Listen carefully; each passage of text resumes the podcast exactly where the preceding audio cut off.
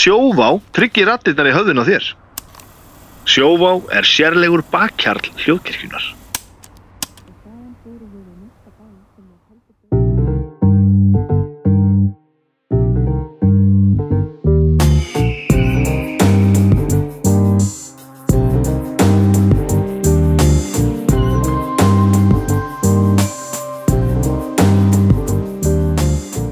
Komið í sæl og verið velkomin í bestu plötuna. Ég heiti Baldur Ragnarsson. Ég er upptöku stjóri og eigandi bestu plötunar. Eh, Þetta er þáttur nummer 201. Sem þýðir það að, eh, að eh, Snæbjörn Ragnarsson hefur verið í, í það verið enginn sem er komið nærri bestu plötunni verið í færri þáttum en Snæbjörn Ragnarsson. Þannig að hann getur ekkert er það, mínu kæru gestir fasta gestir Ég man nú ekki eins og hver það er. Það er þessi þarna sem er þarna eins og söngurinn í Static X nema niður. Já, og uh, gaman að sjá okkur uh, annars vegar doktor Arnar Egert. Ó, takk, blessaður, blessar. 201 hvernig leggst það í, við erum búin að standa vaktina. Við erum búin að standa vaktina frá sitja upphafi. vaktina. Við erum búin að sitja vaktina í 200 þætti. Við erum búin að sitja vaktina í mitt frá hvernig, upphafi. hvernig, hvernig hérna, finnst þér þetta hvernig finnst þér þetta ferðalag hafa farið með þig? Ég bara algjörlega ótrúlegt sko. Það er þetta, hérna, ég man eftir þessu símtali þegar ég ringdi í hann Bibba. Hann var að senda mér eitthvað svona messenger. Þá var hann nýbyrjað að skrifa eitthvað pistla og þetta var bara eitthvað svona hugdi þetta hjá hann. Já, og ég spjallaði hans við hann í síma þekkti nú kauða. Nú, og síðan bara og það er svo merkilegt að sko, fyrsti þátturinn Pöldjam, hann hljómar ekkert hann hljómar ekkert ósvipa og allir, allir hinn þættin sko. var, ég hef ekkert ég hef ekki hlustað á held ég neitt gamlan bestu plötu þátt þetta er bara þetta, einhvern veginn konsepti bara stóð frá upphafi sko. er einhvern tilbreyð og allt það en, en hérna einhvern veginn er þetta svona engar meira áttar kúvendingar sko. í, í formi sko. Já, þegar þetta er orðin svona margir þættir þá kemur svona, ke- kemur svona þreita í mannstundum og ég man að hann um svipa leitið og komið þreyt í bibba þá komið þreyt í mig. Þá kom þá kom upp hugmyndunum að fá haukinn og ég man að það var gríðarlega ferskur blær. Ekki að því að það er, ekki, það er alltaf gaman að gera eitthvað með bibba það er ekki það. En það er líka alltaf gaman að gera eitthvað með hauki. Já, já, ég, og þetta var frábær hugmynd hjá uh, bibba held ég, Já. eða ykkur eða eitthvað ég held að þið bræðurnir hafi svona Já, hendan og, og, og, og mærðuð hann hérna Já, já. í kvívetna Það sem ég sá ekki fyrir hvað þið eruðu góðu vinir, það er líka fegurinn í þessu. Já, það er ótrúlegur ótrúlegur bónus sko. Já, já, ég er, ég er náttúrulega búin að ég þekki þig í rauninni Arna bara í gegnum þetta, ég og Haukur byggum saman ég er mitt en svo er ég svona að koma að hinga í tökur og þá eru þið bara eitthvað kvíslast á og, og, og svona flissa í, út í hotni og eitthvað og það er mjög sætt sko. Já, þetta er mjög, þetta er mjög krútlegt Já, þetta er það sko, Manna, þetta hefur fært okkur ímislegt gott og, og, og, og, og gleðilegt. og ég hef alveg sett pening á að þetta hef, myndi verða raunin sko. Já, já, þið tveir. Já, því að maður veit auðvitað Já, aldrei hvað gerist. Nei, nei. oft sko eitthvað sem er á pappirunum er síðan bara á, ok ég, ég, ég held að vera allt öðru sem aður en það bara Ég hefði aðalega ágjörði að, að- að haukur myndi ofugsa þetta. Sem hann, gerður það framan á það að því ég veit þú hlustaðir sko. ég er búin að vera að halda í mér hérna og það er ekki búið að, það er ekki búið að trekja mig upp með að kynna mig inn sko. Já, já, en, en ég heiti blessa. Hæ. Já, ég hérna ágætis nági Já, bless, bless Hvernig var að koma inn í þetta?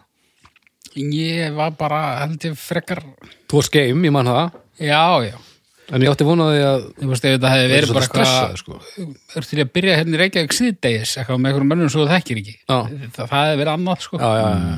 Þetta er svolítið svona verndað umhverfi og já, já, já, já algjörlega. maður reyndi bara að ímynda sér ekki of mikið einhvern veginn að þetta var á leiðinni í eiru einhverja Það er líka svo bara, það er líka bara svo ánægilegt að, að, að þegar eitthvað að þegar besta platan hefur alltaf átt svona grótharðan hlustunarhóp einmitt. og eitthvað sem á þannig hóp í ákveði langan tíma og svo verður breyting það eru bara svona 95% líkur á að það fari illa Já, ég var eitthvað neginn alveg sultuslagur yfir í það því ég bara þekki ég nú vel ég veit ekki til dæmis um neina svona burt með haug og bestu plötunni Facebook-grúpu Engin skilti á Ístuvillið Nei, Nei. ég held að fólk hafi bara hérna, vanist þessu fljótt og vel sko. Já, þú venst sko en, þa en það er enga kúvendingar segið þið, það er ein kúvending sko. Býttu, ertu hættur? Nei, uh, nei, sko stærsti munurinn er náttúrulega lengt þáttana sko. Já, þegar við horfum bara yfir alla 200 þættina já, og við erum bara með, þú veist, Dark Throne þátt sem er eins og tvöfaldur bítla þátturinn Aha. Þegar í byrjun voru þættir svo hryllilega stuttir sko. aha, Já, já. Við minnum að bítla þátturinn sem 40 og eitthvað mínútur. Nei, hann er svona 50 og eitthvað. Já, hann er allavega undir klukkutíma.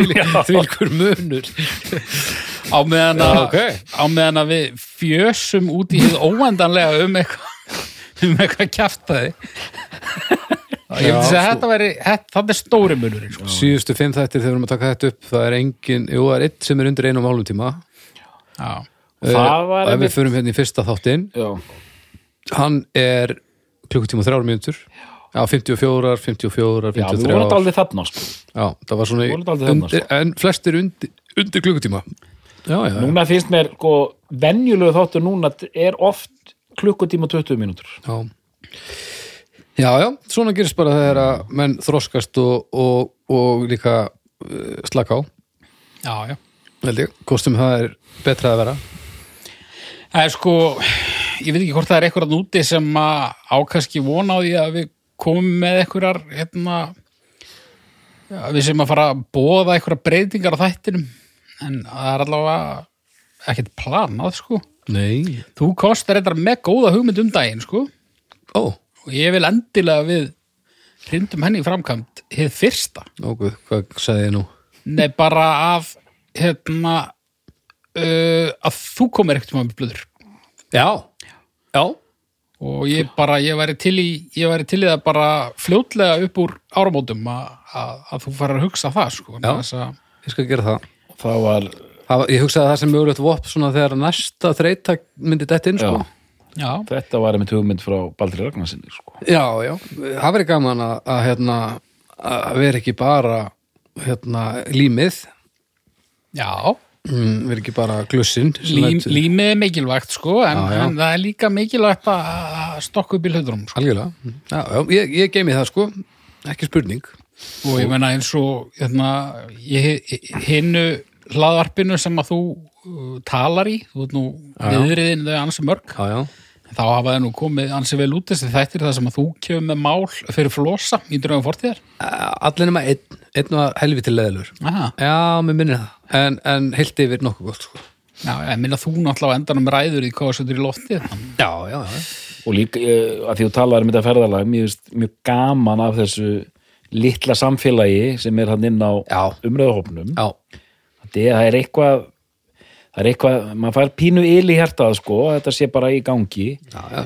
Og að finna sér í þessari stöð að vera svara hérna hvenær er- kemur ekki killing joke þáttur? Og ég svaraði jú, jú, þetta er komið á dagskrá júni 2024 Já, Af því að það er, svo, það er svo mikið sem þarf að gera sko. já, já. Þetta, það, við það er erum ekki Við erum ekki búinu með tónlist. Nei. Það er, það er vist ábyggilegt nei, nei.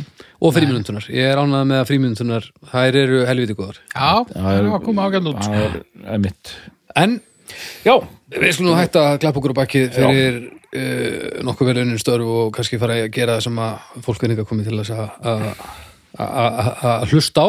Já, Það er hérna að tala um tónlist tala um músík Nú er uh, ég er í myrkrinu eins og svo oft áður. Ég hérna náði ekki að já það er orðið breyting á sem var hérna, bara stutt síðan að svo breyting varð á en ég las stakk upp á það líka ég fengi að vita aðeins með smá fyrir var að hvað væri verið að fara fjallum Já. nema fríminútur yfirleitt Já, uh, en ég náði ekki að kynna mér uh, þetta nei, uh, sem er uh, bara þannig þú eru margs vísari eftir þennan þátt Ég er nokkuð vissum það. það. Þið ætlaði að tala um bestu plötu Dua Lipa, er það ekki? Dua Lipa. Lipa, Já. Dua Lipa. Dua Lipa. Dua, Dua, bæðið að, Dua Lipa. Og Já. ég, ég beigi þetta á fullu fyrir framan dætunar við erum, við erum að fara að gera Dua Lipu. Dua Lipu? Við erum að fara að tala um Dua Lipu. Já, Egu egu bara kannski að klára þetta bara alveg í byrjun, þetta nafn sko. Já, býtum við. Hvað erum við að tala um? Eða Þetta er svo skrítið. Já, veistu, veistu hvað hvað það er? Já, þetta er, hún er sem sagt hún er Kosovo Albani Ok, og hún heitir þetta hún heitir þetta? Já, Nice. Og þetta er sko ég ég hugsa þetta alltaf eins og svona eitthvað svona út á landi svona ja, svona dúa lípa svona eins og hérna heiti gutta sem er eitthvað maður sem þú þekkir. Já, já. Já, hún, hérna, Já, dóttir hans lípa hérna. Já, já, já, lípi í, æ, hún hann að dúa lípa hérna hafna, í hafnastrættum. Já, já, og dúa hérna, sýsti Gógóar í, í rækjuvinnslinni Munið eftir hérna bókinni, barnabókinni Dúabíl Dúi og bíl Lísa vil leika með Dúabíl. Dúi vill ekki að Lísa leiki með Dúabíl. Uh, Lísa slær Dúa. Nei, Dúi slær Lísu. Lísa fer að gráta. Þetta, þetta er drama sko. Ég kunni þess að bóku utan að þegar ég var barn mér heyrðist að gera það ennþá. Ég kann megnið sko. Þetta, þetta endar vel. Það, það kemur annar bíl til sögunar já, já, og bíp bíp, bíp segir dúabíl bíp bíp segir lísubíl þannig að engar ágjur þetta er svona þetta er svona, þetta er svona dúllunafn. Já, mjög skrítið sko já.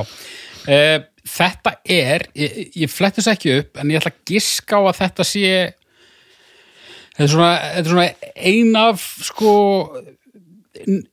ein af nýjustu plötunum sem við fjöllum um hérna, þú veist, Taylor Swift þátturinn, Já. þar vorum við að fjalla um þryggjára gamla plötu. Mm Mhm.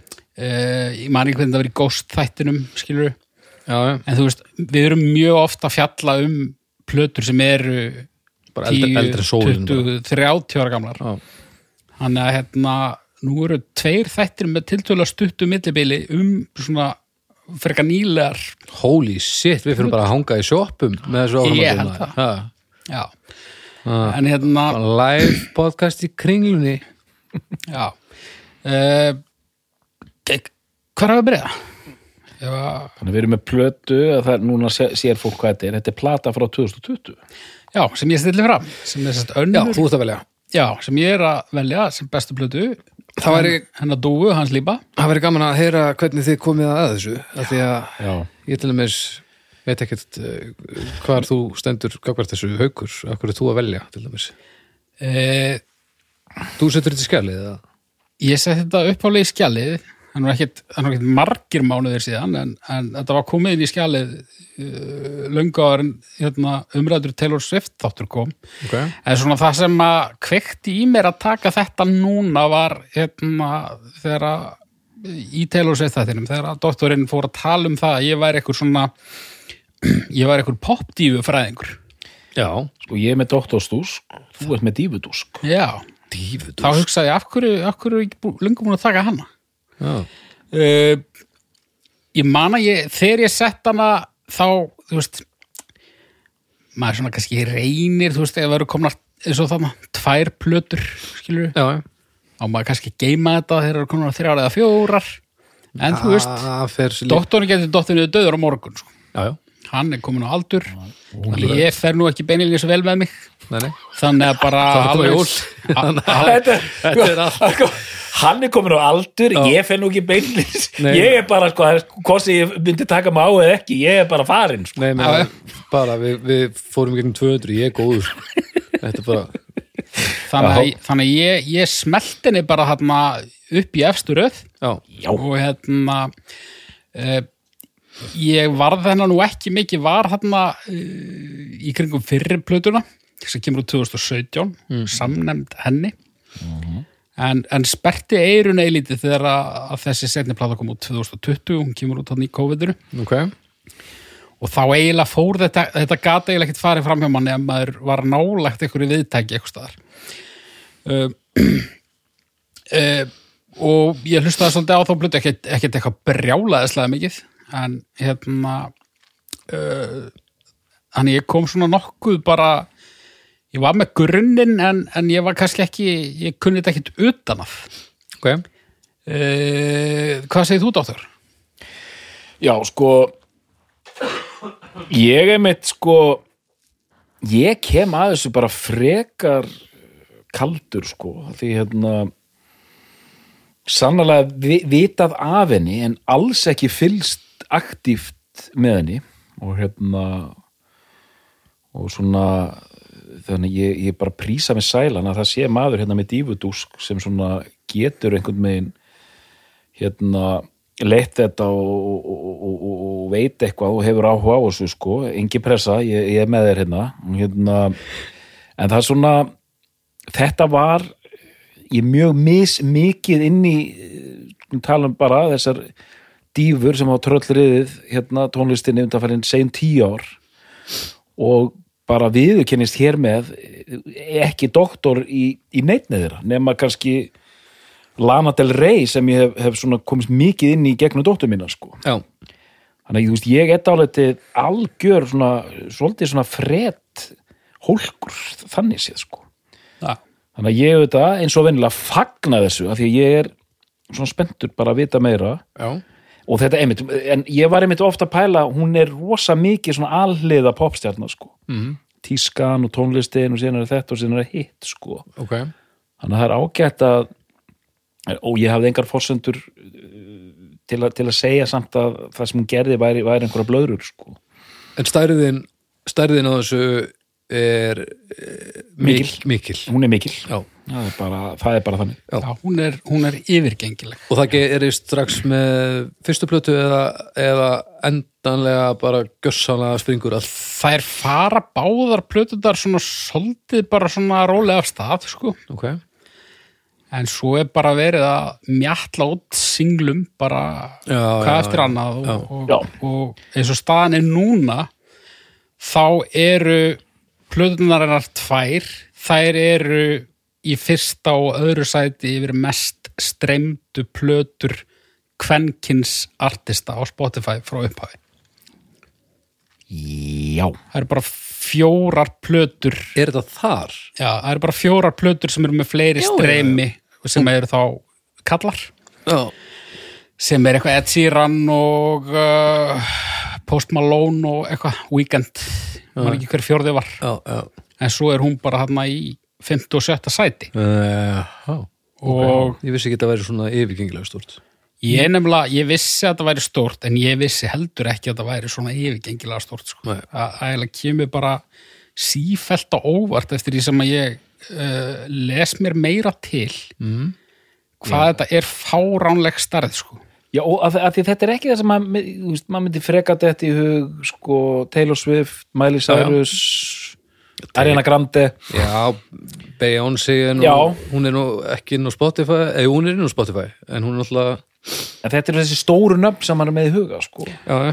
sko ég, ég tók þetta saman Lana ég tók þetta sama fyrir svona tveimur vikum og náttúrulega þessi stærð að miða stærð út frá mánaðalegum hlustundum á Spotify Já, já, er svona það er svona, það er gallað algjörlega. það er gallað módel sko, Já, já, en, það en, sko. en það gefur einhverja hugmynd Já.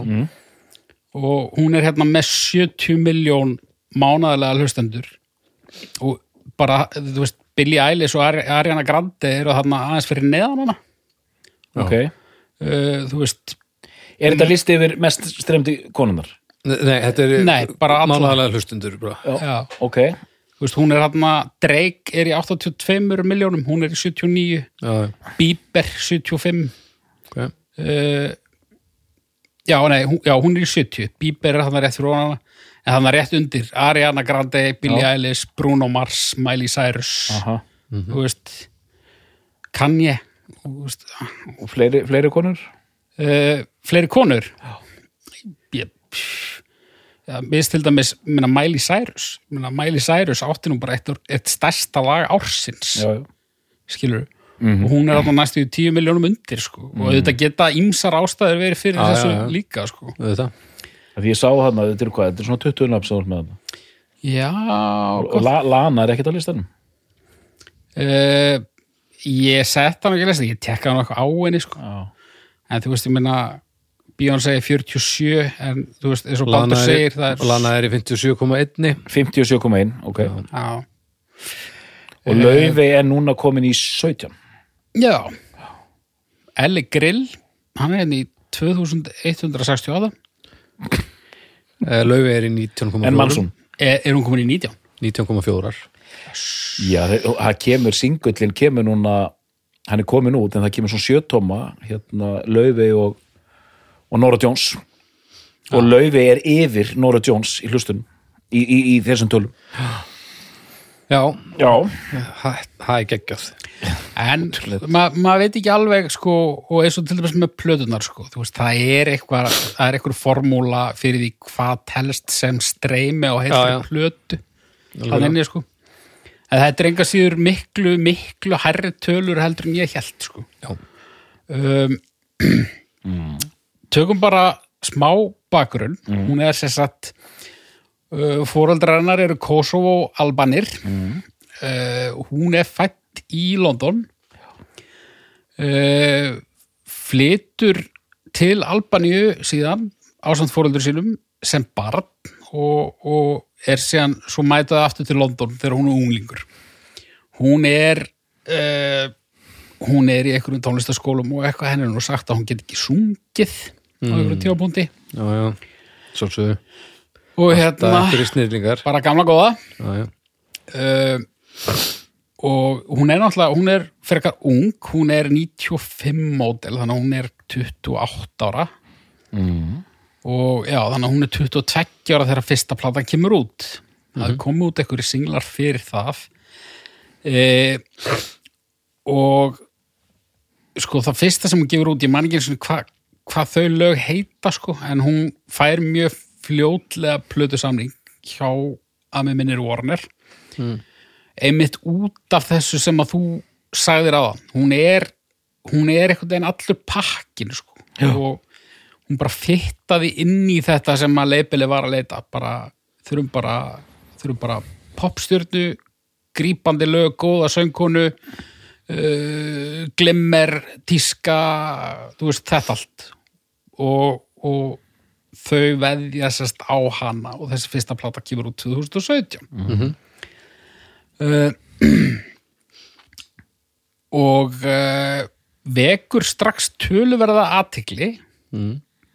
og uh, sérstaklega varð eitt lag mjög stort af þeirri plötu lag sem heitir New Rules. En uh, en enga síður sko, svo, er, svo var hún mikið hún, hún var gesta söngkona hjá öðrum listamönnum Calvin Harris er einn. Einmitt. eitthvað svona frekar leiðilegt svona eitthvað hásdrasl alls konar svona. Þannig að þetta er svona, þetta er frekar svona hefðbundin leið inn í Já.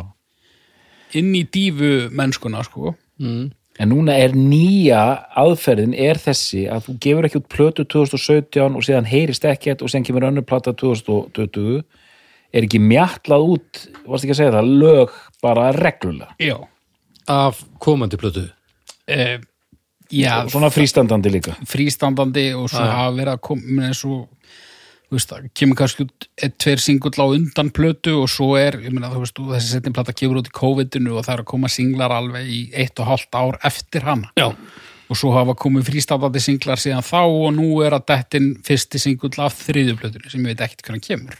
Hann er kominn. Hann er komin, Við sýndist það á hann, það er allavega Já. einhver nýr singull. Houdini. 2023 já, Já, Húdini, hæ, hættulega lag. hættulega leið það er hættulegt Nú, það, Þetta er töff, hvernig hættulegt? Hvernig var þetta aftur, Houdini? uh, það byrjar á svona það er svona það er bara svona hættulegt 80s mm. Houdini ég er náttúrulega kann að enga texta aldrei Houdini, manina. Ég fekk pínu Lady Gaga vibes. já, Houdini, da, di, da, di, da. En sko tökum bara allnögt þessa fyrstu plötu Já, já. hún er hérna, ég veit náttúrulega ekkert hvar þú stendur sko, en, en ég get alveg talað um hana út, því hún er bara helviti fín sko Ég, ég ætla að segja, ég er með eitt orð. Hún er fín. Já, mér finnst hún meiri segja meir en fín sko en uh, mér finnst hún samt uh, sko, mér finnst hún hafa það uh, svona ekki umfram heldur andstæðuna við umfram hérna mm.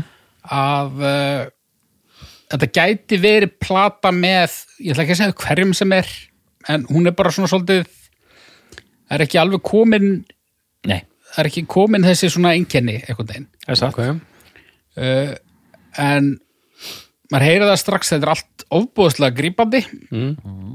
En það er kannski ekki komin eitthvað svona þessi einkennandi hljóðheimur sem önnur platan hefur og ég ætla ekki hvernig þriða platan kemur til með að hljóma. Ú, hættulega. Lítur út fyrir, ég stefnir í það sko. Stefnir í hættu.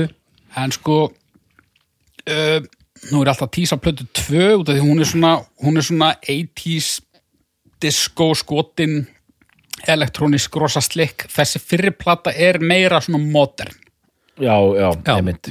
modern pop. Já, En meira retro á nýju. Já. Ok, þessi fyrsta plata hún hljómar meira bara svona eins og tónlist árið 2017 hljómaði. Já, og uh, mér finnst þú góð það er, það er fullt af fínum lögum að það sko. Ok. Uh, hvernig laðist þetta í þig, doktor? uh, bara lagðist vel í mig sko og hérna en einmitt, ég átti erfitt með að svona einmitt, ég er svona ég get ekki endur kalla lögin beint þetta er svona stemning, þetta, þetta virkar vel en svona og ég er ekki að segja að það sé plötunni til frádráttar en eitt þannig en hún svona, bara eins og þú segir þetta er svona um leið, þetta er mjög vel gert og flott en um leið svona einhvers konar basic basic plata inn í þetta ár. Já, þetta er svona ég, ég, hefði, ég hefði gefið henni átta ef, ég, ef hún væri nefandi minn sko. já, hún var nefndaðinn, ekki sem ef þú er tónlistakakriðandi ég var að fara yfir skýslur í dag ég er svolítið stökkið þessu. Á ég, Já, já, á ég, já. á ég að gefa 7, 5 eða 8 ok, já, já en, en svona uh, hvað ég að segja? Ma, maður heyrir samt, maður heyrir strax að þarna er uh, þarna eru hæfileikar bæði í lagasmíðum og söng og við kannski komum betur inn á það að eftir svona hvernig hennar aðkoma er að lagasmíðunum. Og því að það er bara helviti erfitt oft í dag að finna út úr því í poppi já, hvað performerinn hver aðkoma hans er. Já, en maður tekur líka eftir því á þessari plötu að hún er cool. Já, það er svona sterkir svona cool víbrar ok. frá henni. Og það er náttúrulega að hluta til uh, enska kúlið. Já, uh, nú veit ég ekki hvort það sé til eitthvað sem er kallað albanst kúl en ég, ég vil meina það sé til. Það sé þannig en allavega í versta falli þá, þá greinir maður enska kúlið mjög Já. vel sko. Ok, þó hún sé uh, maður heyrir það mis vel í söngnum uh, að hún sé þaðan sko. stundum er hún bara mjög bandari sko, og stundum er hún bara oi, gafna! Já, já, hún er með enska uh, sval, ensku svalheitin í bland við þetta balkanska það er, svona, það er þungt pundið í, í, í, í, í þessu fólki sko. já, og ég meina, til dæmis þessi fyrsta plata, nú erum við að tala um hana svona pínu svona eins og hún sé bara svona, já, efnilegt en en það breyti því ekki að það eru svona fimm lög á henni sem hefði getað unnið Eurovision sko. já, ég skil það er já. bara Balkanland eitthvað í Eurovision bara í fyrsta öðru sæti bara uh, fullt af þannig lögum á henni sko. Uh, og hún er að hún er uh, fymta mest stremda plata uh, Spotify fyrr og síðar. Það er þessi fyrri plata. Uh, seti platan er ekki alveg búin að ná henni en, en það er mjótt á munum. Ok. Nice, uh, ég ætla að gefa mér það að þú uh, veljir hana ekki. Þannig að það er alveg spurning að við förum bara beint yfir í uh, The Difficult Second Album. Algjörlega, hérna, emitt ég er alveg skýr með, með, með einhvern gjöfuna hérna sko. Já, og því þetta var aldrei að fara að vera ykkur uh, tímalínu rung þáttur vegna þess að þetta er helviti stutt tímalína. Og mér langar bara að fara að tala um plötuna sem er til umfyllunar hér. Um hana hef ég ímislegt að segja. Já, en áður en ég uh, áður en ég anda djúft og, og byrja predikun mína. Hvað hérna hvað segir hvernig, hvernig, hvernig legst þetta í þig? Já, ég ætla að segja sko einmitt, ég ætla að nefna fyrst tvent hérna, það er einmitt eh, það voru margir metrar á viki síðinu um hennar tísku tengingar, bara endalaust. Ok, og margir metrar líka um til dæmis hennar svona pólitíska aktivisma og bara allt gott um það að segja. En ég ætla einmitt að fara beint í plötuna og hérna þessi plata einmitt, 2020 popplata, þetta er bara fyrst orðin sem kom í hugan, þetta er slick þetta er hard, þetta er cool þetta er svona eh, rosalega heilstift plata, það er bara þú ferð ekki út á gólfinu allan tíman einhvern veginn sko og bara svona töff töff plata. Og einmitt eh, þetta retro dæmi, disco og 80s og 90s er svona sett í bara einhverja svona nýja síu og bara þetta er bara algjörlega for the win sko. Smá kæ- kæli með nóg kvílingur sko en hérna þetta er svona algjör dundur þessi plata. Eru ég ekki einhverstaðar í í bólparkinu Jú, ég myndi segja það sko. Þetta er svona hún sló mig svona sko þessi plata. Og eða er eitthvað svona eða er eitthvað, eitthvað eitt orð sem mér finnst kjarna þessa plötu -hmm. þá er það bassi Bassi. Já, já, einmitt þetta er bara þetta er ein bassadrifnasta popplata sem ég á æfi minni heyrt sko. já, ok og það er bara í hverju einasta lagi er bassalínan í aðalhuturki Erum við að tala um hljóðfærið, sem sagt, bassi eða er þetta mjög sjaldan mjög sjaldan, já. Já. Þetta er, við erum alveg í pop, já, í svona nútíma poppinu. Já, já, og, og 80s poppinu Já, en við erum ekki satt í þá 80s, þeim 80s bassa svona, Nei, Nei. þú Veist, það, það, er, það er live bassi á plötunni líka já, í einhverjum lögum uh, en meiri segja þegar að það er þá hljómar hann já, já, veist, þetta er það ofbóðslega slikk pródúserað Já. að það einhvern veginn skiptir engum máli sko. Nei, nei, nei, og alls ekki, ég er ekki að segja að það sé betra að það sé spilaður bassi, að yngan veginn, sérstaklega einhverju svona, Nei. eitthvað sem þarf að vera gjörsanlega í andlutunaður. En sko, og það er í rauninni finnst mér svolítið gegnum gangandi gegnum alla plötuna, það er hvað tónlistin, ef þú tekur bara söngi burt hvað lögin eru svona spars mm. ef, ef íslenskt orðið það Uh, Stripuð í rauninni, strípuð, er það? já bara svona það eru, fá element Já, nakin. já.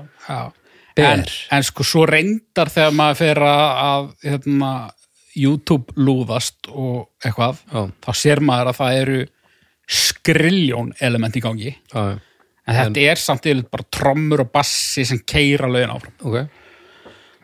Og það höfðar ofbúslega til mín. Og ég náttúrulega hef talað um þetta áður í bestu plötunni að ég uh, ég er kynferðislega úrkynjaður að því leiti að, að sem sagt synthabassi Já, það er hérna það er eitthvað svona það er eitthvað svona sem, sem Það- reyfir við. Það er þinn geblettur. já, það er minn tónlistalegi geblettur sko. Hvernig mann. Já, en Dua Lipa hefur ekkert við þér sko, hún er, er óbúslega lagleg kona sko, en, en hérna, hún er ekki sjens í þessa, þennan bassa á þessari plötu sko. Nei, skilji. en það er enga síður áhugavert og ég veit ekki, ég er kannski að byrja á öfugum enda hérna. Þetta er kannski meira svona í samantæktinni en, en hvað um það? Uh, svo fyrir að hlusta á þessi lög án söngs Já, bara alltaf svona bara virkilega heyra pródúseringarnar. Já, það, það er flott, maður heyri hvað er í gangi maður áttar sem betur að því. En það er bara 30% af læginu komið þannig út í söngur, þá áttar maður að sjá því stendur og fellur bara alveg með henni. já, stendur og fellur með henni gjörsamlega bara performansinum og bara söng melodíum Já, ok. Hvað Já, er uh, melodíur bara, hvað myndir, þú veist, er þetta attitude, meira melodíur en attitude? já, Já, ég vil segja það sko næs. og það er sko ég, ég, ég held svona eftir, eftir smá djúpköfun að það sé allur gangur á því svona hvernig lögin verða til en en uh, algengt held ég að sé að, að það kemur ykkur með eitthvað bít Mhm. Og eitthvað hljómagang og svo ég hlusta á eitt þátt af hann hlaðvarpi sem þú þekkir eflust mjög vel, Song Exploder Mhm. uh, það sem var tekið fyrir eitt lag á þessari blötu og það var bara það var beinlinni spilað í þættinum sem ég finnst eiginlega ótrúlega að það hafi verið gert vegna þess að hún hljómar er svo neðugangur á Já. þeirri upptöku bara raunni þegar að hún fær að heyra svona beat og það er bara ítt á rekk og hún er bara hlustað í Já. fyrsta skipti og bara gaula eins og eitthvað sært dýr yfir það Já, ok, en maður heyrir það hvernig þetta verður til. Já, næs og hvernig hún einhvern veginn hvað hún kemur með að borðinu sem er umtalsvert. Sem er bara a- a- bara megnið Já. eftir á. Í rauninni. Gekka? uh, Varst þú að fara að segja eitthvað? Nei. Nei. Nei, saman bara borða. Þú þannig að verðluna er bara alltaf í byrjun þáttar doktor. Ha, ég veit þú er doktorinn Ólfur Dóttorinn er alveg pollslagur hérna bara að borða snýð Uh, Dok Doktorsnúðurinn Dóttorsnúðurinn tök, tökum þetta lag fyrir lag. Það verður að vera þannig. Já, Já, Við- já, já, já, já. Við, hö- við höfum ekki hérna, feitan katalóg en uh, við höfum við höfum lagalista á helviti frambærilegri plötu sem þetta færið í gegnum. Uh, við erum uh, hérna skal ég þér segja á plötunni þetta er villisplata, byrju, sorry. Future Nostalgia Já, heitir platan. Skemmtilegu titill. Já. já, Þetta er bara, já. Þetta er eins og við vorum að lýsa á þann sko. í rauninni. Og titillagið er mitt lag nummer eitt. Mitt og þarna er mitt kannski fínt að minnast á það núna að, að uh, maður, maður heyri það í þessu lagi til dæmis uh, veist, það eru mismöndi pródúserar sem koma af lögurum og þannig er hún að vinna með einhverju manni sem ég manni hvað heitir sem að uh, til dæmis það kom mér ekki óvart til að sá hvað hann hafi gert uh, að sjá lagið Uptown Funk á hans afrega lista sko, pródussurinn heitir Basker Jeff Basker þó Já, en svo eh, hún er skráð sem, sem höfundur af öllum lögunum og einhverju fleiri líka af öllum þessum lögum. Sömur koma fyrir oftar en einu sinni. En já, hún, hún á greinilega hún, hún semur öll lögin í samráði við fleiri. Einmitt.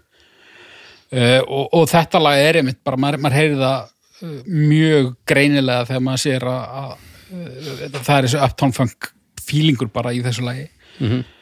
uh, og, og þarna bara strax bara á fyrstu sekundum heyri maður hvað maður á í vendum sem er bara grúfandi 80s skotið slikkarís pop sko. Mhm. uh, mjög svona dólkslegur synthabassi já, og svo bara hendi kórus eftir svona átjón sekundur já. Vera af hverju spara spara það besta? Já, Já. öll platan er svona já, það er bara intro í þrjár sekundur svo bara byrja lagið já, og svo bara eru ko- komnir í kórus bara innan við, innan við hálfri mýtu já. Það er já, það er ekkit verið að slóra neitt. Þetta er ekki alveg kannski að púla 80sið að, í uppbyggingu að, að einhverju klímaksi nei, það sem að það stundum viðlagi byrjaði bara 95 eða eitthvað. Já. Uh, frábært lag og bara ég er að fara að segja um öll lögin örgla þetta, þetta hefði svo auðveldlega geta verið singull sko. Ok, en var ekki megnið af þessu singull eða? þetta voru fimm eða sex singlar sex singlar, já þetta var ekki singull. Þetta var ekki singull sko. Nei. og þetta er svona, þetta er svona korter í rap versin sko. Ok, en kortir í rap. Já, ok, en mitt svo bara svo erum við dottin í, í, í mjög grípandi er að tala um kortir í rap bara því að kortir í rap eins og hérna í fjóna bíma lover? Nei, næ, svona það er ekki, sérst, hún, hún kemst upp með þetta. Já, og ég er ekkit vissum að hún geti rappað sko. næ nei, sérst, það var ekkert verið að miða á að rappa heldur bara jú, örgulega pínu sko. Ok, já, ekki að skipta bara svona, hæ, svona já, ég, ég, það, það er eitt sem ég mun aldrei gera þetta um sem forveri minn klikka á. Ég er aldrei að fara Akkur er hann orðið svona leiður kakvart því já, Já, já. Uh, Næsta já, lag. næsta lag. Og það er, það er hérna, það er stóra bomban sko. það er atombomban Don't Start Now sem er fyrsti singull. Og það er fyrsta lagi sem ég heyri sko. Ok. Ég heyri þetta bara í útvarp og ég bara, hvað í helvítinu er þetta? Já, uh, lag sem hefði getað unni Eurovision hundra sinnum sko. það hefði getað unnið hvaða ár sem hef, Eurovision hefur verið? Nema 1987 Hvað var hann þá? Johnny Logan. Ok, ok. Ertu, ertu aðdándu þess lags? Hold me now, Já. pínu Mér, ég, sko, mér, mér finnst þetta að vera ég elska þetta lag. Frábært lag Ég bara elska þetta lag. Já, frábært lag sko. Hó, ok, já, ég ætla ekki að fara að syngja það. En hvernig er, er þetta lag? uh, það? pínu feiminu við að syngja þetta sko, ég skal syngja það. Ég skal syngja það. Nei, bara út því ég kann aldrei neina texta sko. Já, já, Byrja byrja bara bara svona-. Textar eru aukaðri alltaf.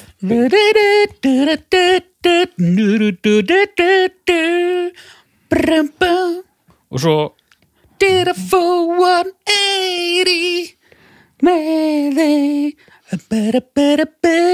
Nei, þetta er vandræðilegt sko. Mm. svo þetta eru bara að- kemur bara svona wú, bara svona bassastlæt bara svona yfir í trommubít. Og þetta er svo þetta er svo in your face og þetta er svo hart. En svo, svo ógæðislega melodist og svo hljómagangurinn í þessu ég held þetta hljóti að flokka sem pre-chorus sem er líka introið þarna. Já, það er svona hvernig hljómarnir þú veist, það eru hljómar undir því sem hún er að syngja en svo koma svona milli svona áherslu hljómar ok. sem einhvern veginn uh, harmonæsa svo ógeðslega vel við það sem hún er að gera. Hvað er eitthvað svona e, þó að sé kannski ekki beint e, það element í þessu, er svona yðnar attitude í þessu eitthvað? Doktorinn getur kannski betur svara því. Yðnar menar uh, bara svona yðnarokks töffaragangur einhver? Nei. Nei, ok, Ég það var þá þitt þinn litur á, á, á, á það, það var þessi söngur hann gaf mér smá yðnar Þetta er sko, ég finnst að þetta lag er einmitt svona bombastic já, en ég held að Baldur var að meina með yðnaður að, að því ég er að heyra það nú er að breytast bara ákveðin sko laga samninga viðmið. Að eins og þú segir haukur Já, ég Það er- að um menn- þannig að reynda fó- já, fólk passa sig á að kóru sinni komi bara eftir sjösekundur sko. já, já. Þe- þetta er nýja dæmið það ekki? Jú, örglega sko. En þú varst örglega bara að tala um Ég var bara að tala um yðnarokk Já, bara og- Já, ég var bara að tala um hvort að, Já. hvort að hugsunum væri þannig þó að það væri ekki framkvæmt beint þannig, skilur nei, við erum, við erum helviti langt frá því sko, Já, held ég. já, en sko fyrsta lagið ég glemdi að segja með það millikablin í því og það spotta maður strax. Það er bara prins mætur Já, og það lag er í svona prins grúfi ok. Allt. Já, já. þetta, ég veit ekki svo hvað þetta er. Þetta er eiginlega bara disco. Þetta er eiginlega bara pjúra disco. Já, ok. Þetta er einhvern veginn það slík og krisp. En nær samt einhvern veginn líka að vera hart sko. en ofbóðslega mjúkt og fallegt sko. já. uh, ekki krómað krómað en ekki á enn Arnars Eggerts hátt sko. þetta er samt svona þetta er bónað. Þetta er bónað, þetta er gljáfægt Já. þetta er svona eins og einhver svona einhver glansandi felga. Glitrar. Já. Það er pínu yðnar En, ég meina, þú ert með hérna, þetta Já, já, er geðvegt lag sko. þetta er svona það, það er svo, þetta er svo slikka þetta er svona eins og, eins og hérna uh, hérna re- renni hérna stangirnar inn á, inn á þú veist uh, svona stöðum sko. Hvað, og, þegar maður svona stríkur hérna svona Já, stöngum en á svona, slökkvistöðum. Já, já, á slökkustöðum, ég er að tala um það. Já, já, að hérna, já, það er svona, einmitt, það er svona erfitt að ná takja á því, sko. Já, já. Akkur breytist í trompet? Svona, já, einmitt, það er svona, þetta er gljáfægt og glæsilegt. Já, Þú hefur heyrt þetta lag, Báður Eh, Örugglega Þúsund prósent Já, örugglega uh, Lag nummer þrjú, Cool Cool Cool og um, Já, það er, sko, hvernig reddir við að tala um, sko? Hún er, hún getur verið heldur djúb, sko. En hún, hún er líka hátt upp, sko. En hún er svona, já, þetta er, þetta er mikilvægt element, strákar, sem ég glemdi. ok, Hún reykir. Hún reykir Hún reykir. já, Hún er alltaf að reyna að hætta að reykja, sko. hvernig sagður hún verið fætt 95.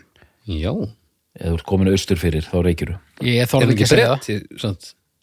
að það Hvað er út ekkit minna líklega verið út breyti Nei, ég ætla að segja nei, nei, úst, ég ætla ekki að fara að kenna austrinu eitthvað um að Þegar að þú ert bara bretti, skilurðu? já, já, nei, nei þetta getur alveg sér breska elementi sko. já, já. En sko, ég er pínu ánæði með það sko. þú ert ánægð með það ég er svolítið ánæði með það Á Já. reiki? Í, á reiki, já, Já, og ég skal segja ykkur hversuna það er ok, vegna þess að vissulega er gott að mannkynnið sé hafi snúið baki við uh, sígarettunni ok það, það, það lítur að vera gott já, fyrir flesta já. En viljum við missa allar reykingarattir úr músík? Viljum við að allir séu bara eins og hann geldingurinn sem við spiluðum í einhverjum þættirum? er, er, er það staðfest að reykingarnar séu að framkalla reyk, innan gæsla bara reykingaröddina Uh, svona almennt hjá fólki? já, þú veist, reykingaröddin er það í alvörinni eh, gera reykingar þetta við röddina Ég, ég er bara að giska, sko. eða er bara einhvern með svona rödd og reykir örgulega bara bæði, sko. já, hún er með svona eins og bara nýja lagi að því ég mann það Houdini, hún er með svona töff down to earth, svona já, pínu djúbaröð, sko. Maður heyrir það að hún, hún er nýkomin inn úr síkó, sko. já, Hún verður svona pínu raspi, sko. ok.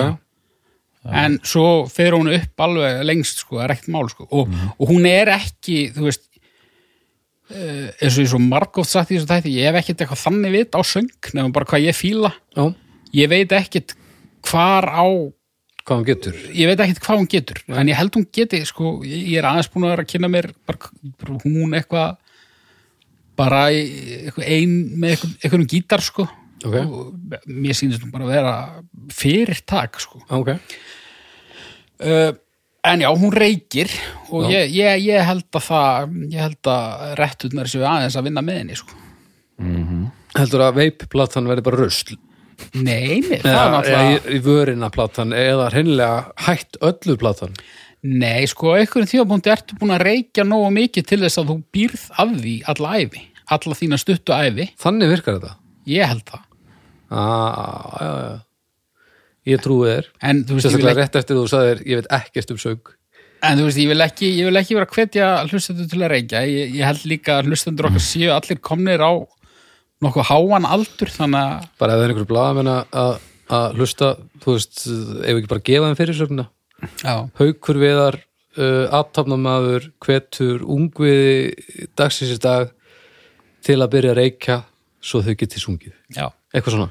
Eitthvað. Kamel vinnur ædolið, eitthvað svona. Já, já.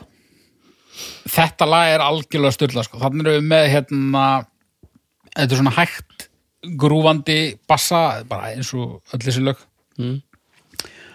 Og hérna, og, og þessi þrjú, sko, við tölum stundum um, sko, hefð minna þekkt að 1, 2, 3 punch, sko. Það þekki allir 1, 2 punchið, sko. mm. En stundum nærðu þristurum, sko. Hún gerir það þarna. Þetta er bara, þetta er ægileg sleggja þannig til að byrja með Já, Já, Þetta er það sko Ok. og, og, hérna, og þrjú mjög ólík lög líka já. Uh, En samt er af þessum þreymur lögum þá var bara eitt sem var singull. Nei, Já, Nei, lánum við tvö. Ég lanum með tvö var fyrsti singull sko. Einmitt. E, Já, af þessum sex singlum sem að eru talinir hérna upp, taldir upp á viki þá er bara lanum með tvö singull. En samt er þetta allslemma séru Já, ég er búin að nefna þrjú af fjórum uppáðslögunum mínum á þessari plötu sko. Að því síðan kemur lanum með fjögur og það var annar singull sko. Já, það er one, two, three punch það er það sko One, two, three, og, Punch. eins og ja, Paradise Lost náðu nú one, two, three, four punch á one second Já, Já, já, já. En sko, svo þegar við komum að mínu á plötunni sem að ég á eftir hann nefna, sko, það er heldur ekki singull sko. Ég er ekki að reyna að vera eitthvað það er ekki að það fjallum þetta stóran artista og eitthvað að reyna að vera ekki bólur sko. en Nei. Já, þannig ég er ekki að reyna það ok En já, Já. lánum við fjögur Physical, Já. er það ekki svolítið hættulegt? Jú, og svona... öll lög sem heita physical eru hættuleg Já, ma- þetta er þetta hugrenningatengsl í, í læginar Oliver Newton-John. Næst Sem er ekki hættulegt uh, Nei, nei. ekki, ekki ekki beint sko Já, það er heimilislegt. en hún já, Vinalegt. það er rétt Það er ekki vinalegt. öll Já. lög nema eitt sem heita physical eru hættuleg Já Það byrjar á svona synthapassa.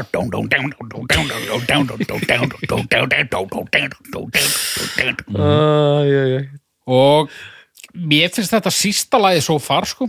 En það er eitthvað sér gott sko. Let's get physical. Uh, Tala þú núna aðeins hérna. Ég ætla, ég, ég ætla að fá með vatn. Já, heyrðu, ég læt nú haug þylja upp fleiri lög en hérna, þetta gengur vel. Og bara, þetta er svona, það er þríslemma og svo já, en við erum ekki að tala um hund. Nei, nei, nei, jó, sorry, Bara ég, alls ekki. ég myndi Sorry, segja sko, það er engin, engin hundur. það er engin hundur á þessari plötu, sko. Hún er, og engin hundur á fyrirplötunni er hundaleysi bara yngar til? Ah, sko, það er eitthvað eitt nafn, sí, nafn. Ég ætla, það er eitt lag sem ég ætla aðeins að dissa, ekki dissa, eða aðeins svona að ekki, velta fyrir mér á eftir. ok, ekki gefa upp hvaða lag er Nei, nei, sem er á þessari plötu Já, sem er er Þú veist hvað það er. Eru tvö lög sem ekki, við ekki, ekki, Ok, ekki, ok. hérna fyrir en aðri mér kemur sko. Er, ertu búin að vatna þig? já, Ok. já, ég var bara vonað um að segja eitthvað meira sko. Já, ég hérna, já, já, Nei, ok. ég haldi á já, haldu bara áfram, þú ert á flugi Herru, lag nummer 5, Levitating levitating uh, Það er annað lag sem að þú hefur alveg mjög sennilega heyrt sko. Og Ok. það lag varði reyndar uh, kveikjan af dómsmáli sem ég held reyndar að hafa verið annarkvort vísað frá eða, eða settlað utan réttarsals. Uh, samplmál eitthvað. Eða stölur stöldur sér stuldur í rauninni sem að uh, hún, var sökuð um sko.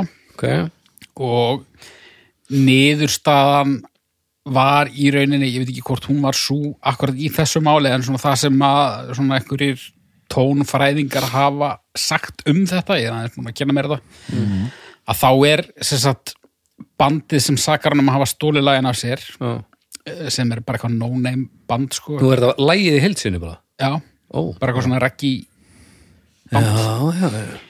Uh, þau vildu meina að þetta væri bara of of dæmigert til þess að já, já, þú veist, og mjög ólíklegt að þau hafi heyrt þetta vegna þess að þetta var bara með eitthvað nokkur hundru spilanir á SoundCloud, það var eitthvað þannig sko. en lögin vissulega mjög áþekk, áþekk. ok, og meiri segja sko uh, textahendingar sem eru sveipaðar ó. En uh, það var í rauninni bent á það að, að bæði lögin hljómi mjög undir áhrifum frá einhverju átkast lagi síðan 2002 eða eitthvað já. og sem að var einn af áhrifavöldum hennar og, og, og, og hún var búin að nefna það meiri segja áður bara að nýja platan er undir áhrifum frá hinum og þessum og þessum og já, hinum já, og, nefndi þar átkast sko. já, já. þannig að það það fór ekkert lengra sko. en Ok. svo var líka eitthvað eitthvað, eitthvað brest hörmungar diskoband sem fór líka í málveðina út af þessu samalagi og, og, og það var í rauninni að tenningum það lag var miklu minna líkt en jú, maður heyr alveg eitthvað svona. Já. en þá er kannski líka hægt að taka það fram að það er uh, lag á sér plötu nummer nýju, Break My Heart. Þar var eitthvað sem spottaði að þetta er nú helviti líkt hérna uh, In Excess hérna I Need You Tonight þannig að þá bara var lagið skráð á þá líka já, já. þannig að þú veist það verðist ekki að vera neitt brotavili til staðar að snuða fólk um eitthvað sko. Nei, nei. þannig að líklegast er bara að þau hafa aldrei heyrt þetta lag eða þessi lög sem að já, já. en, Ok. já, en þetta er sérst reggilag sem, a, Mhm. sem að hún á að hafa stólið hérna en þetta lag er samt ekki reggi Það er ekki þú, þú mannst þetta þessu lagið það ekki?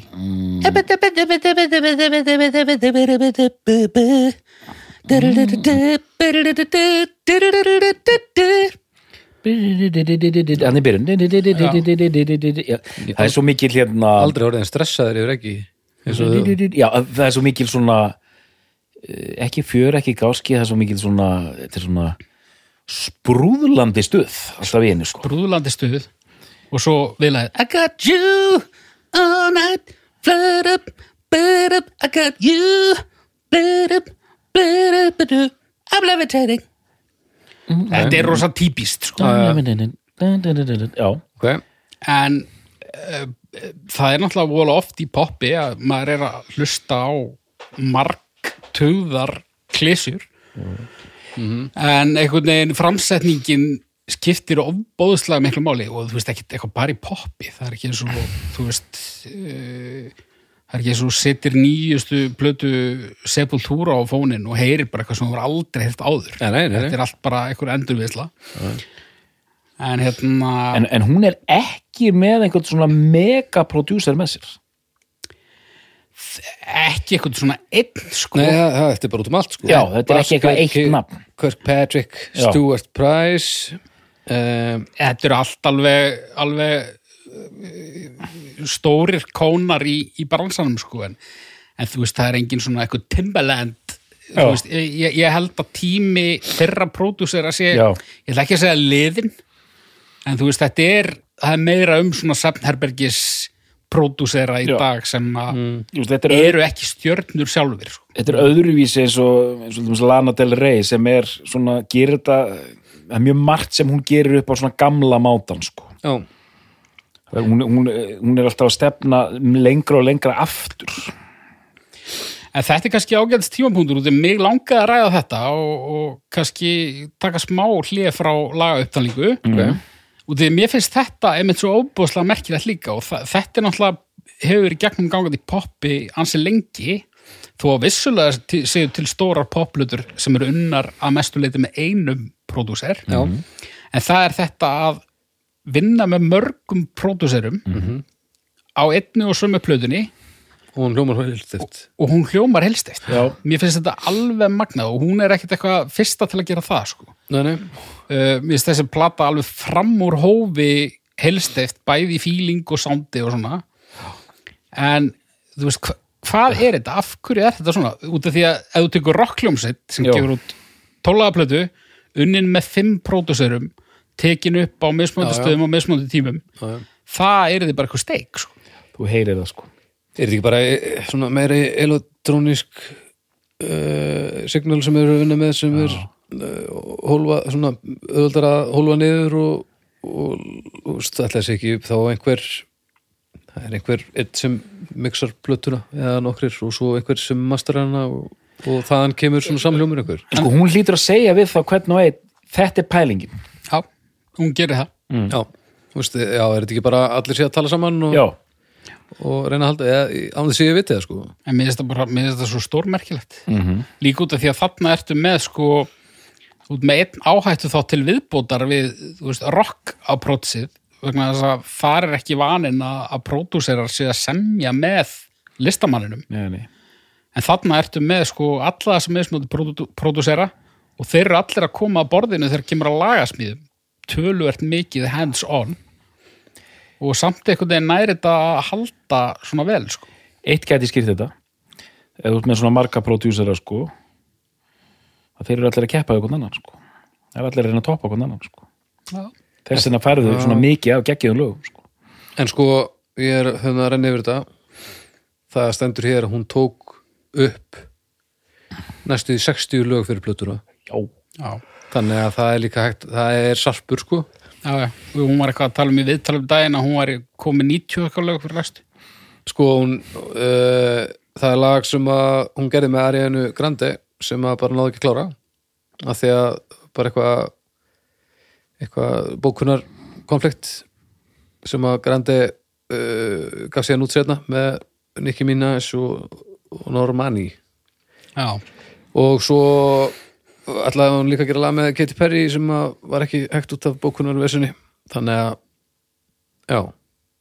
Það er bara það er rosalega mörglög í í sarpinum, er það ekki bara líka það? Þú getur bara leitt þér að skoða allt saman og sumt passa betur saman en annað og... jú.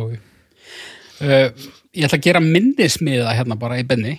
ok, Tölum aðeins um þá eftir af hverju eru konur svona mikið að rústa öllu í poptónlist í dag?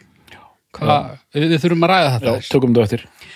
Uh, Lag nr. 6 besta lag plötunar hvað mér var þar, ekki singull. Það er sami pródusser og gerir þarna super singulin uh, Don't Start Now heitir það ekki? Jú. ég get ekki muna hvað það lag heitir. Bara Start Me Up, nei. Uh, Nei. Uh, Don't Stop Me Now. Pre, pre, Pretty, já, ég, ég veit það, Pretty Please sko. en, en ég get ekki muna nafnið á lagi 2 já, uh, Don't, start, don't start, Now. don't start now. já. Uh, hérna, já, Pretty Please. Já, það er uh, sami hljómagangur allan tíman, intro vers chorus bara sami sama bassalínan. Kemgangandi í kemum allæðið og ég tók ég eins og eftir í ég var búin að hlusta á þrjú þúsund sinnum þá bara já, þetta lag er bara þetta ég er eiginlega bara áttaði mig ekki á því fyrir bara ég hlusta á instrumental hvaða er uh, hvaða er lítið í gangi þegar að það er engin söngur mm. en hún einhvern veginn er að gera þetta svo ógeðsla stórt já.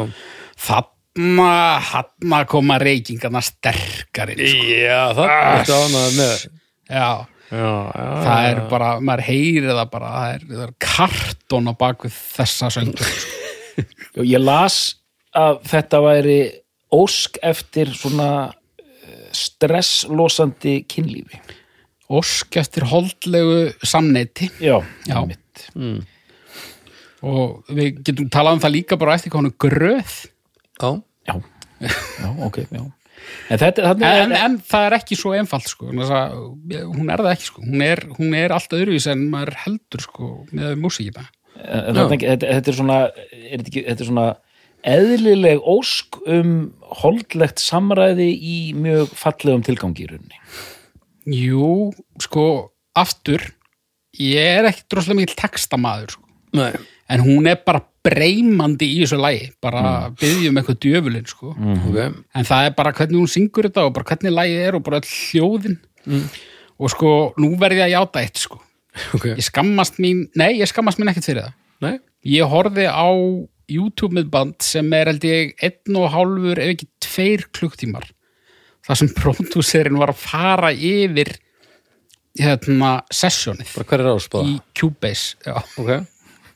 Skammast bara- þið fyrir það? Af hverju óskupunum ættir að skammast þið fyrir það? þetta er bara þetta, þetta er svo, þetta er svo mikið, þetta er svo, mikið óeðli Hvað er óeðli? Nei! Nei, því finnst það náttúrulega ekki óeðli sko. Hvað er óeðli? Nei, bara vera bara einhver maður, bara einhver freðin maður fyrir fram á tölvuna sína að bara, já, Það heyrðu, horfa á annan mann verið að fara í gegnum eitthvað sessjón? Nei, ég var ekki freðin ég var, ég var að horfa á freðna mannin Já, sem, já. sem að var bara, já, hérna á baku ég var að nota þennan effekt og, og svo þetta hérna, þetta er ekki hæhatslög heldur þarna tók ég fagnaðar óp og pizzaði upp um þrjár áttundir og köttaði hérna og setti geit á þetta. Bara eitthvað svona vitleysa. Og sko, ég get að horta á þetta í 14 tíma sko. Já. Að Þetta lag er alveg óbóðslega gott og mikið óbóðslega syngur hún það vel það er ekki eðlilegt sko. Ok. Mjög gott. Manstu þetta er lagarnar? Ég þarf að fá smá söngmæli Pretty please I need your hands on me Sweet release Pretty Ógeðslega gott lag ok, ok. og það er eitthvað svona það er eitthvað svona takturinn í því er eitthvað svona pínu off hann er svona högtir eitthvað þeim Hmm. það er eitthvað við sneriltrómuna eða hæjatinn, hann var að útskýra þetta í þessu myndbandi Ok. og ég skildi ekki almennilega hvað hann var að hann útskýra af hverju þetta væri og ég náði því ekki alveg en það er eitthvað í uh, percussioninu í læginu sem gerir það svona, það er eitthvað aðeins á undan alltaf Já, bara balkan eh, element þá. eða?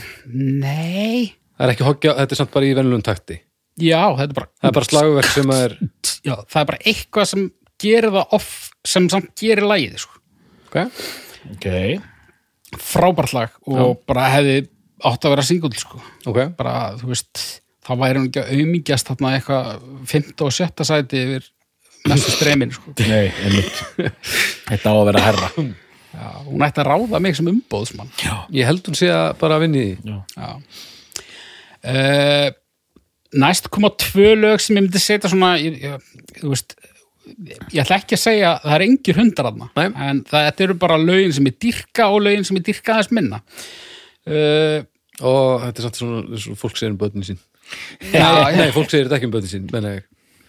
Hallucinate. Já, ok, þarna, þú veist, Pretty Please er svona það er ekki ballaða það er bara svona bara svona uh, tæling hægfara tæling ballaða. Ég ekki einu sinni.